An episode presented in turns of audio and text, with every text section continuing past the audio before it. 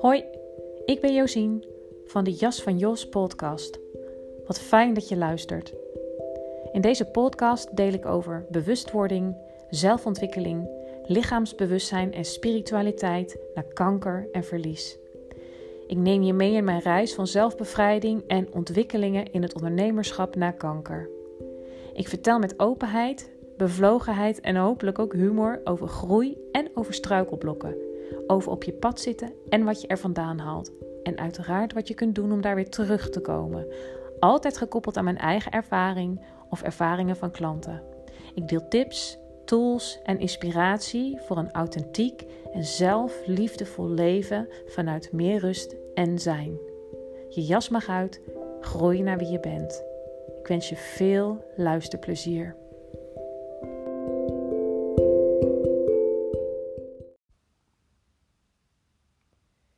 Het is vandaag 16 december, de dag waarop ik uitgerekend was in 2016.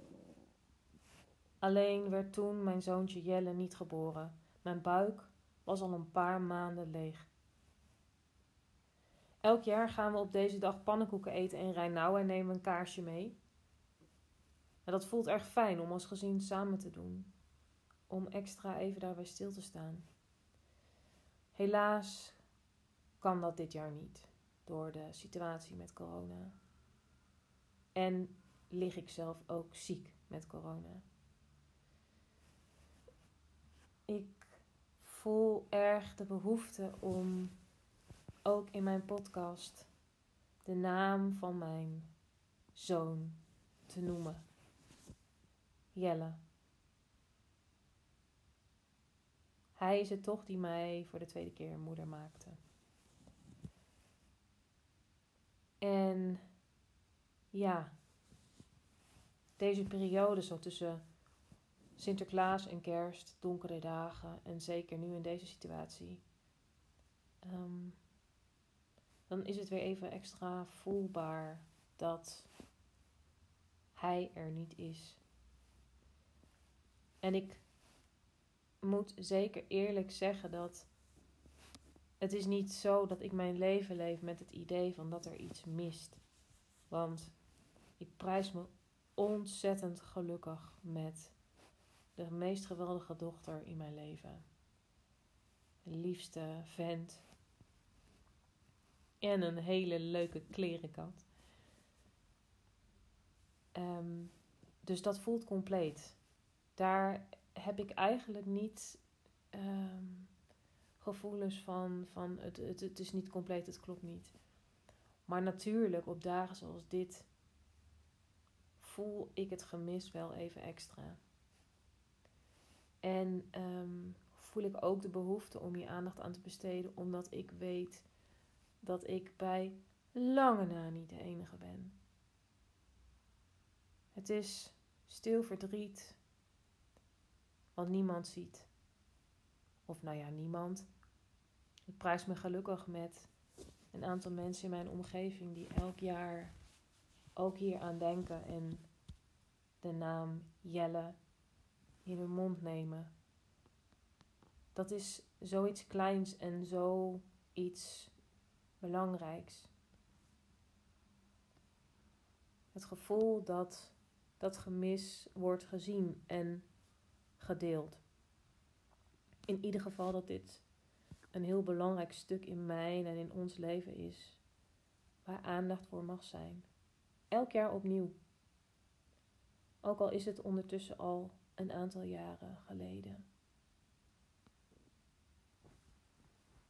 Ik vind het ongelooflijk belangrijk om tegen jou te zeggen als jij een kindje bent verloren tijdens de zwangerschap. Een zwangerschap hebt moeten afbreken. Misschien een voldragen zwangerschap en je kind bij de geboorte bent verloren. Dat, dat er nooit een moment komt waar, waarop het genoeg is of waarop het genoeg geweest moet zijn. Nooit. Altijd mag er ruimte zijn voor dat gat wat er in je hart geslagen is. Want dat is wel hoe het voelt op het moment dat jij je kind verliest. Hoe pril in de zwangerschap ook. Of misschien verder in de zwangerschap. Je hebt al zo'n band met dit kind. Je bent al zoveel stappen verder. En het is niet alleen de pijn van het, van het verlies, maar ook de pijn van alle secundaire verliezen die erbij komen. Als ik naar mezelf kijk. Wij zijn op een gegeven moment begonnen met IVF, met embryoselectie. Een aantal mislukte pogingen gedaan. Ook daar is verdriet om. Ook dat is verlies. Het gevoel van oké, de, de cruciale leeftijd komt in de buurt, dus ik moet door. De schuldgevoel is ten opzichte van het kind dat je verloren, of wat je verloren hebt. Eenzame gevoelens van op het schoolplein staan. Ik weet het nog als de dag van gisteren dat ik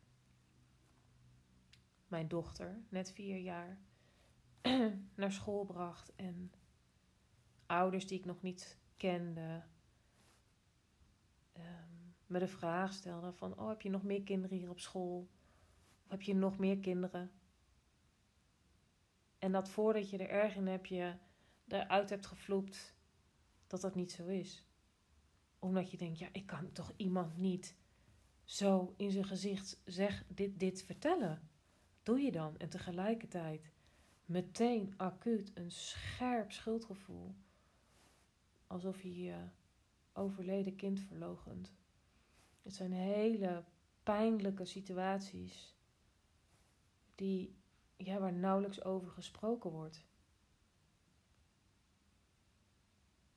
Het wordt als vanzelfsprekend gezien en gelukkig ook maar, want, want vaak gaat het ook goed dat kinderen krijgen de natuurlijkste zaak van de wereld is. En ja, precies, dat, dat is in principe ook zo. Maar op het moment dat jij niet te maken krijgt met um, miskramen, herhaalde miskramen, een stilgeboorte of een zwangerschapsafbreking, dan heb je er geen weet van hoe de cijfers werkelijk zijn. En als ik het me goed herinner, ervaart 1 op de 4 stellen problemen. 1 op de 4, 25 procent, dat is echt niet niks. En dan verbaas ik me daar eigenlijk over hoe weinig aandacht er voor dit onderwerp is. Voor het verlies aan zich, voor al het secundair verlies. Voor, voor de schuldgevoelens waar je mee te kampen hebt. Voor het het vertrouwen in je lichaam, wat je al dan niet tijdelijk kwijt kunt raken. Voor die, die, die malle locomotief die maar doorgaat, zeg maar, met alleen maar stip op de horizon, kinderwens. Zonder dat je eigenlijk echt ooit bij stil hebt gestaan van, ja, waarom, waarom wil ik eigenlijk kinderen? Dat is een vraag waar ik steeds meer bij stilsta. En wat ook belangrijk is om het gesprek over te openen met elkaar. Los van alle pijn en verdriet. Van wat, wat, wat zit er eigenlijk achter dat je zo graag kinderen wil? Heel vaak zul je dan ook achter best confronterende zaken komen. Maar eigenlijk is dat weer een hele andere podcast waard. Ik ben eigenlijk ook een beetje mijn draad kwijt. Ik zit hier ook met mijn koortsige hoofd. Ik vind het enorm belangrijk om Jelle's naam te noemen. Op de dag dat hij geboren had moeten worden en niet werd geboren. En dat deze dag voor mij altijd een belangrijke dag zal zijn. Een dag van leegte en een dag van liefde. Want stilstaan bij dit onderwerp bezorgt mij pijn in mijn hart. En tegelijkertijd ook heel veel liefde in mijn hart. En heel veel liefde voor al die andere vaders en moeders die ook een kind verloren hebben. En um, gelukkig zijn sommige, of hebben sommige ouders het geluk om alsnog een eerste of tweede kind te krijgen. Bij ons was het na onze dochter uh, en dus na Jelle is het niet meer gebeurd. Ook omdat ik um, na een aantal IVF-pogingen dus kanker kreeg en in zeer vervroegde overgang ben geraakt door de behandeling daarvan. Ik merk dat nu ik deze podcast aan het inspreken ben, dat er allerlei zijtracks weer zijn waarvan ik denk: oh, hier moet ik ook een podcast over opnemen. Over, ja, maar dan wordt het een veel te uitgebreid gebeuren en dat ga ik natuurlijk ook niet doen. Um, maar wat ik jou op het hart wil drukken Sta stil bij je kind zo lang als voor jou nodig is. Niemand hoeft jou te vertellen dat het klaar moet zijn met rouwen. Soms duurt het namelijk een leven lang. En het gemis, dat is er.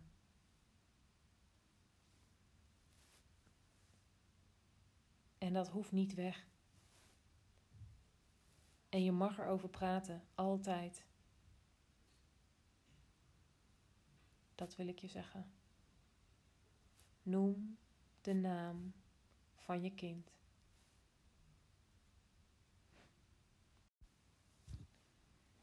Ik wilde er nog een korte aanvulling op geven.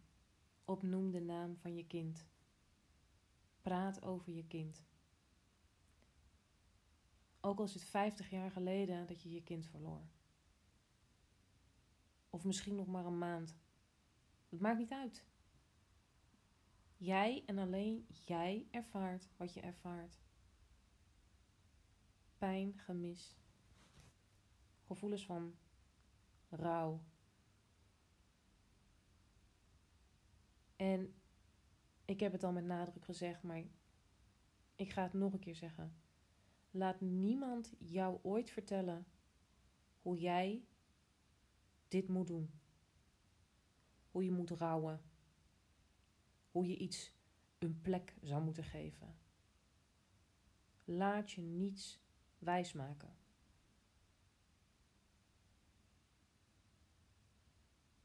Het zijn jouw gevoelens. Het is jouw gemis. Het is jouw dierbare kind. Dat hoeft nooit klaar te zijn. En ik luisterde net um, een eerder opgenomen stukje terug en toen bemerkte ik dat ik eigenlijk iets opnieuw wilde opnemen, maar daar heb ik ook geen energie voor. Ik zei iets van. Um, uh, toch nog een eerste of tweede kind krijgen. Ik weet het niet meer precies. Maar natuurlijk is Jelle voor mij mijn tweede kind. Zo zal dat altijd zo blijven. Ben ik moeder van twee kinderen waarvan er eentje is overleden.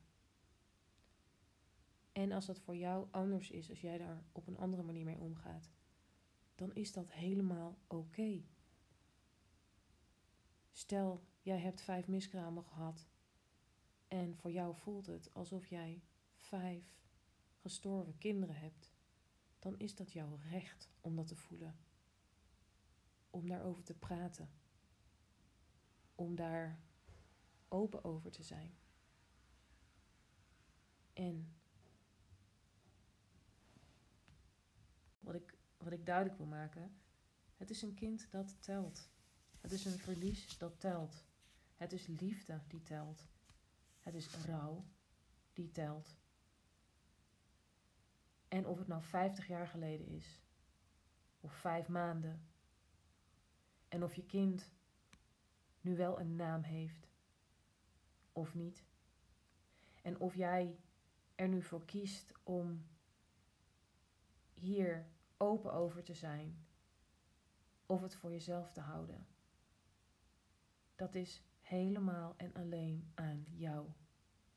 Alleen jij ervaart wat je ervaart. Alleen jij voelt waar jouw behoefte ligt. En de reden waarom ik deze podcast opneem is omdat ik het belangrijk vind om openheid van zaken te geven. En om enigszins taboe doorbrekend te zijn, omdat ik in elke vezel voel dat het nodig is. Want er is zoveel meer stil verdriet dan je denkt. En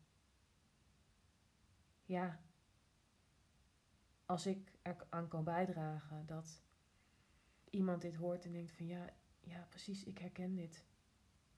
Ik heb er behoefte aan om over mijn overleden kind te praten. Om zijn of haar naam te noemen. Om zijn of haar naam genoemd te horen door een ander. Ja, dan heeft het nut gehad. Want het is tijd om het zwijgen te verbreken. Deze stille pijn en verdriet waar je vaak toch je hele leven mee verder moet.